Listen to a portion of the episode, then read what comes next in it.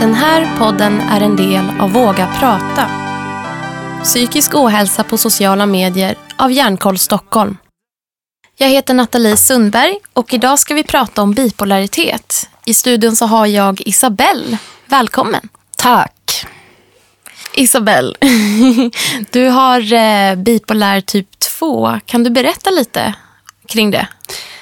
Eh, ja, alltså bipolär typ 2 kan väl innebära ganska mycket olika saker. Men eh, för mig så har det inneburit att jag pendlar väldigt mycket i eh, humöret. Och eh, ja, men kan gå från att vara väldigt deprimerad, tycka att livet är meningslöst, eh, jättemycket ångest, till att tycka att ja, men må väldigt bra, tycka att allt är härligt, vara kreativ.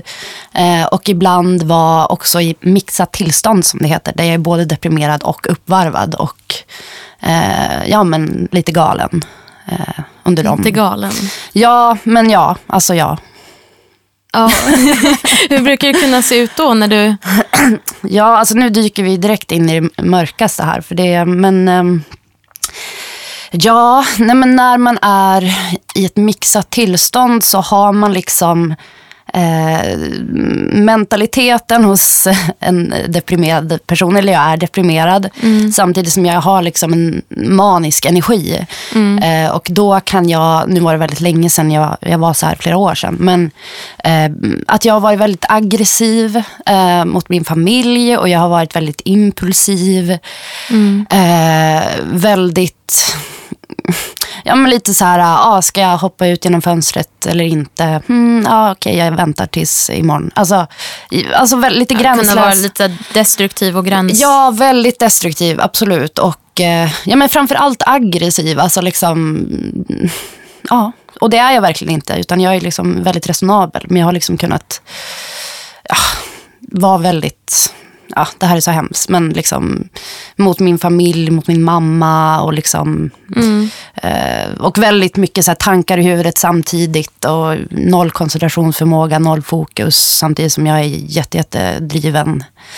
Ja, Det låter lite rörigt. Ja, men gud, ja, jag känner bara nu när jag pratar om det att jag blir lite upprörd. Men ja, verkligen. Eh, Och det är väl det rörigaste tillståndet. Då är det ju bättre att liksom bara vara deprimerad eller att vara uppvarvad. Ehm, för då det är liksom renare. eh, så. Men nu var det länge sedan du upplevde Ja, mixat tillstånd. Ja, det var. Alltså, jag har liksom inte upplevt det egentligen sen jag eh, började få ordentlig medicinering. Eh, som är, ja, det är väl men fyra, fem år sedan tror jag.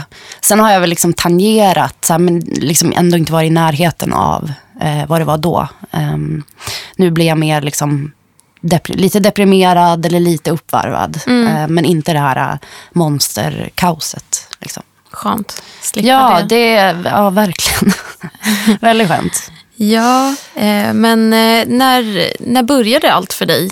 När började du märka att du Eh, mådde dåligt? Och, ja, alltså det var när jag var 19 år. Eh, jag hade flyttat till London eh, för att jag liksom, eh, jag vet inte, jag hade väl någon dröm om att jag skulle leva livet där typ. Ehm, Och eh, det gjorde jag väl i så här två månader. Men det var väldigt stressigt och sen var det väl som att liksom, det sjuka är typ att jag kan säga exakt vilken dag som min psykiska ohälsa började. Eh, och det du var, minns det så pass? Ja, nej, men det var väldigt speciellt. Eh, för det var jag och eh, min kompis Sofie hade varit på en kyrkogård eh, som heter Highgate Cemetery i London. Och så hade vi gått runt där och kollat på de här gravarna och Karl Marx var begraven där. Och det har ingenting med saken att göra. Men eh, efter vi hade varit på den här kyrkogården skulle jag till jobbet och åkte eh, tunnelbana och fick en sån hemsk panikångestattack att jag liksom blev förlamad i hela kroppen och de fick bära ut mig och köra mig till sjukhus. Eh, och det var liksom startskottet, för sen så blev det bara värre efter det. Eh, och jag ja, var tvungen att flytta hem till mina föräldrar igen efter någon månad. Ja. För att det, ja, jag blev ganska fort inkapabel att klara av min vardag typ. Men hur, hur reagerade du på att du fick en panikattack från ingenstans? Sådär? Och, alltså, vad kände du i det läget? Nej, men min första tanke var ju så här, har jag ätit jordnötter eller någonting? Alltså jag tänkte inte att det var panikångest, utan eh, jag trodde ju antingen att jag hade en hjärtinfarkt eller att jag liksom var allergisk mot, jag vet inte, fish and chips eller mm. vad jag hade ätit. Um, och också när, när jag kom till sjukhuset och de bara, nej men det, det är inget fel. Jag bara, fast jo, alltså mm. det är Men jag hade liksom, jag visste inget om det. Jag visste inget om eh, panikångest. Sen så, panikångest har liksom aldrig varit ett problem för mig efter det, utan det var, det var just då. Och mm. Sen fick jag väldigt mycket så här, väldigt svårt att andas, tinnitus. Um, ja, men började få väldigt så här, mörka tankar um, mm. väldigt fort. Det var liksom det smög sig inte på, utan det kom liksom med ganska stor kraft direkt. Liksom. Mm. Men eh, hur, efter den här händelsen, hur såg dagarna ut för dig då? Eh, jobbade du då eller pluggade du? Ja, jag jobbade på en falafelkedja som hette Maus. Eh, och eh, ja, men det var ju jättetrevligt där tills eh, jag började må dåligt. Och det, alltså, det var väl att jag började så här sjukanmäla mig. För att mm. jag bara, jag kan inte gå till jobbet typ. När jag gick dit så bara liksom grät jag och kunde liksom inte utföra uppgifter. Så till slut så var jag tvungen att um, säga upp mig. Uh, och det var liksom så här, ja men det var ett sånt ställe där man fixar lönen i ett kuvert, så mm. cash. Så det var inte som att det var en uppsägningstid, utan jag bara, hejdå typ. Mm. Um, ja, så då, Alltså det är ganska luddigt, men vad jag minns det så är det liksom att jag bara är hemma, jag gråter, jag går runt på stan och tänker att jag ska bli hemlös. Mm. Eh, sen så mår jag bra i några dagar och liksom går ut och festar och sen så mår jag skit igen och sen mm. eh, och då gjorde jag det och då åkte jag hem till Sverige. Mm. Eh, och så mådde jag jättebra när jag kom hem i, någon, i några dagar, i någon vecka. Så då trodde jag ju, jag bara, ah, men det var London. Mm. Det var London det var fel på, inte mig. Eh, men eh, sen kom det ju tillbaka igen och så fortsatte det upp och ner. Mm. Eh, I några år. Men eh, när fick du första gången hjälp? Eller när tog du hjälp med, med det du kände? Ja, alltså det var väl kanske typ eh, två månader, eller kanske var mindre. Ja, men typ två månader efter jag hade kommit hem från London. När jag hade liksom pendlat från att må helt okej okay till att vara väldigt, väldigt deprimerad. Eh, mm. upp och ner sådär. och det var faktiskt min mamma som Um, alltså jag minns att jag fattade liksom inte vad som hände med mig. Jag tänkte ju inte så här, oj, oj, oj, det här är psykisk ohälsa. Utan det, var liksom, jag var väldigt förvirrad i det. Men mm. jag minns att jag liksom ligger i min säng och typ, jag tror typ att jag ligger och så här sliter sönder mina sockar eller något så här annat konstigt. Och bara typ så skriker. Och mamma kommer in och bara, Isabel nu åker vi in med dig. För du mm. är liksom, du är inte frisk. Uh, så då åkte vi in till eh, det här sjuk, eh, inte sjukhuset, vårdcentralen mm. i den här byn där jag bodde. Och så fick jag direkt, direkt träffa en kurator som var jättefin, som jag började gå hos. Men det var väldigt mycket så i början att liksom varannan vecka så var jag helt otröstlig. Mm. Och varannan vecka så var det som att jag bara, jag har inget att prata om. Så här, hur mår du? Typ. För att jag uh. mådde bra. Så det Ja. Var det någon då som började misstänka att du hade bipolaritet? Ja, alltså jag började ju misstänka det. Jag är en sån här som liksom är så här fakta-fanny. Eller jag gillar att kolla upp så att efter ett tag när jag förstod så här, oj, ja men det är något fel. Liksom. Mm. Så googlade jag ju väldigt mycket och um, läste om bipolär. Mm. Och tyckte ju, jag bara, men det här stämmer ju in. Men då var det liksom det här kriteriet att så här, ja, men du ska vara deprimerad i två månader, eller inte två månader, två veckor. Mm. Eh, och hypomanisk i två veckor eh, för att det ska liksom räknas. Och jag bara, men det mm. går mycket fortare för mig. Eh, men jag hade ju det i baktanken att jag bara, hmm, men eh, det tog ju så fyra, fem år innan jag fick diagnosen. Det är ganska länge ändå. Ja, det är ganska länge. Ehm, och en bidragande orsak kan väl ha varit att jag liksom flyttade ju runt. Det var ju, ja, men jag bodde på ganska mycket olika ställen, bara flydde hela tiden, mm. jagade runt. Så jag liksom hade ingen lä alltså jag hade liksom inte samma läkare Nej, i precis. fem år. Utan jag hade kanske åtta olika läkare. Um, så det var ju först när jag liksom fick en krasch, eh, en megakrasch, eh, typ 2014 14 tror jag det var. Och mm. det var då jag var som liksom sjukast och väldigt här, mixat um, galen. Mm. Uh, kan jag faktiskt säga. Gud, jag har sett, jag hade en kompis som, som heter Lars som filmar. Och han har filmat mig när jag är, eh, mår så här. Och jag kollade på det för några månader sedan och jag bara, herregud alltså. Um, jag var alltså, ja. Ja, du berättade just om att han hade filmat dig där. Ja. Hur var det för dig att, att se dig själv på det sättet? Ja, men i och med att det liksom har gått fyra, fem år så, så kunde jag ändå liksom eh, alltså har, har jag liksom distans till det. Mm. Men det var väldigt hemskt. Det var min mamma som fyllde 50 och eh, jag och hon och Lars eh, var på någon thai-restaurang och skulle äta. Eh, mm. Och jag har liksom, mamma öppnar presenter och jag ser liksom hur jag bara så här stirrar i bordet med en så här helt galen blick. Och så bara rusar jag ut därifrån typ. De bara, Isabelle, var är hon? Så här, jag bara mm. sprang iväg typ. Uh, och sen så kom jag in och jag bara, det här är mitt fel, det är mitt fel. Alltså, bara helt så här, ja mm. men utom kontroll liksom. Um, så... Um, men för, hur blev det för dig? Fick du, alltså kändes det... Hur kändes det för dig att se det här? Var det någonting bra för dig att se? Eller var det... Jag kan ja. tänka mig att det har varit, måste ha varit väldigt jobbigt att se det samtidigt. Men har nej, du kunnat... alltså, uh, nej, alltså helt ärligt så tyckte jag bara att det var kul, eller inte kul, men jag är ändå glad att jag har det på film typ. Mm. Uh, för att jag vet att så här, det där är så långt från hur jag är nu. Så det är inte som att jag känner så här, åh nej, tänk om jag blir sådär. För jag vet att jag kommer aldrig hamna där igen så länge jag liksom tar mina mediciner. Mm. Um, men det är jo men på ett sätt var det ju lite så här, alltså stackars lilla tjej typ. Alltså det, mm. ja. ja. Men alltså med tid så kommer ju distans och då är det liksom, det är väl också därför jag kan prata om det. Mm. För att det har gått så mycket tid. Um, mm. Men ja, jag känner ju att jag blir lite yr nu. När jag, när jag, eller blir lite ja, påverkad. Vi, vi behöver inte gå in mer på det om du inte känner Jo, men alltså det, det är lugnt. Det är lugnt. Ja.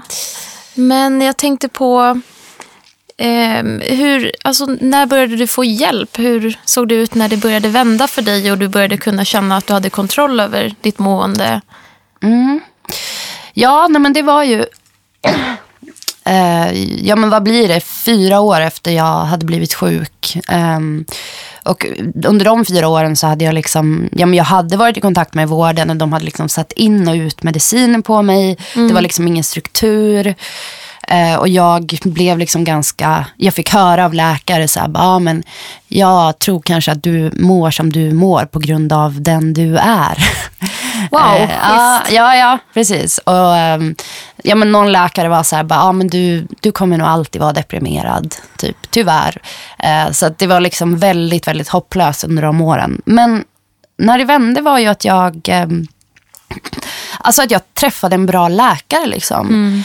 Eh, som eh, såg mig, eh, som liksom ja, men också bekräftade liksom på något vis att så här, ah, men det här är ju bipolärt. Eh, och då var det lite för att jag hade känt väldigt mycket skuld mm. över att jag hade varit som jag hade varit. För jag kände att det var mitt fel. Mm. Men då kunde jag liksom placera det utanför mig själv på ett sätt. Um, Mm. Och ja, men började sätta in mediciner sakta som stabiliserade. Liksom, tog ner mig från det här lite, eller maniska som jag hade. Och eh, Sen så bodde jag hemma hos mina föräldrar i ett och ett halvt år. Och liksom, de lagade mat åt mig och eh, jag hade liksom inga krav. Eh, och det hjälpte väl också till att mm. liksom, rehabilitera. Mm. Ja. Så det är där, verkligen, där är vändpunkten. Um, sen dess har det bara liksom blivit bättre. Ja. Eh, men eh, hur, hur ser det ut för dig idag? Eh, och Har du några speciella tips för andra som kanske känner igen sig i det du berättar? Mm, ja, alltså för de som känner igen sig i det jag berättar, så sök hjälp. Um, ja, alltså jag tror ju... Alltså, det beror ju på liksom hur, hur liksom sjukdomen yttrar sig. Men, mm. men har man liksom på riktigt en bipolär diagnos så liksom bör man ju ha en läkare. Liksom. Mm. Uh, så, alltså, Men jag tänker, vad, om, de här... Om någon eh, nu skulle kunna alltså, träffa de här läkarna som sa att man var hopplös. Vad är ditt tips till dem då som träffar de här läkarna? Ja, och det här tycker jag är typ det viktigaste budskapet att sprida överhuvudtaget. Och det är ju att det är fritt vårdval. Eh, så att träffar man en läkare som typ eh, inte är bra eller som dömer ut dig, så byt läkare. Alltså, det har man liksom rätt att göra hur många gånger som helst. Så vänta tills man hittar en läkare som man känner sig trygg med. Eh, och liksom, ja, läkare är ju tyvärr men, alltså, människor. Eller, det är väl på gott och ont. Men jag menar, de är ju bara, alltså, det finns ju mm, personer som är liksom oempatiska överallt. Så att liksom, Det är viktigt att ändå värdesätta det man känner Ja. för den man är med läkaren. Att man känner sig trygg. Och, Ja, verkligen. Och liksom, mm, precis, så att man har rätt till att ha en bra läkare och att känna sig liksom omhändertagen och så. Så att se till att hitta en, en läkare som man liksom mår bra hos, av. Det är väl mitt eh, största tips ändå. Ja, men jag tänkte på hur det ser ut för dig idag. Har du några speciella strategier för att inte hamna i de här skoven? Eh, Hur förhåller du dig till? Ja, alltså, nu har jag ju en väldigt bra grundmedicinering ehm, som gör att jag... Alltså mina svängningar är ju väldigt milda och väldigt rena. Alltså jag hamnar ju aldrig i det här mixade tillstånden längre. Utan Det som kan vara är ju att jag blir nedstämd eller jag liksom varvar upp lite grann. Ehm, och varvar jag upp lite grann så har jag så här vid behovsmedicin som typ dämpar. Eh, som alltid funkar för det. Så att om jag känner att jag börjar flyga iväg så kan jag bara liksom ta dem i några dagar. Så liksom landar jag.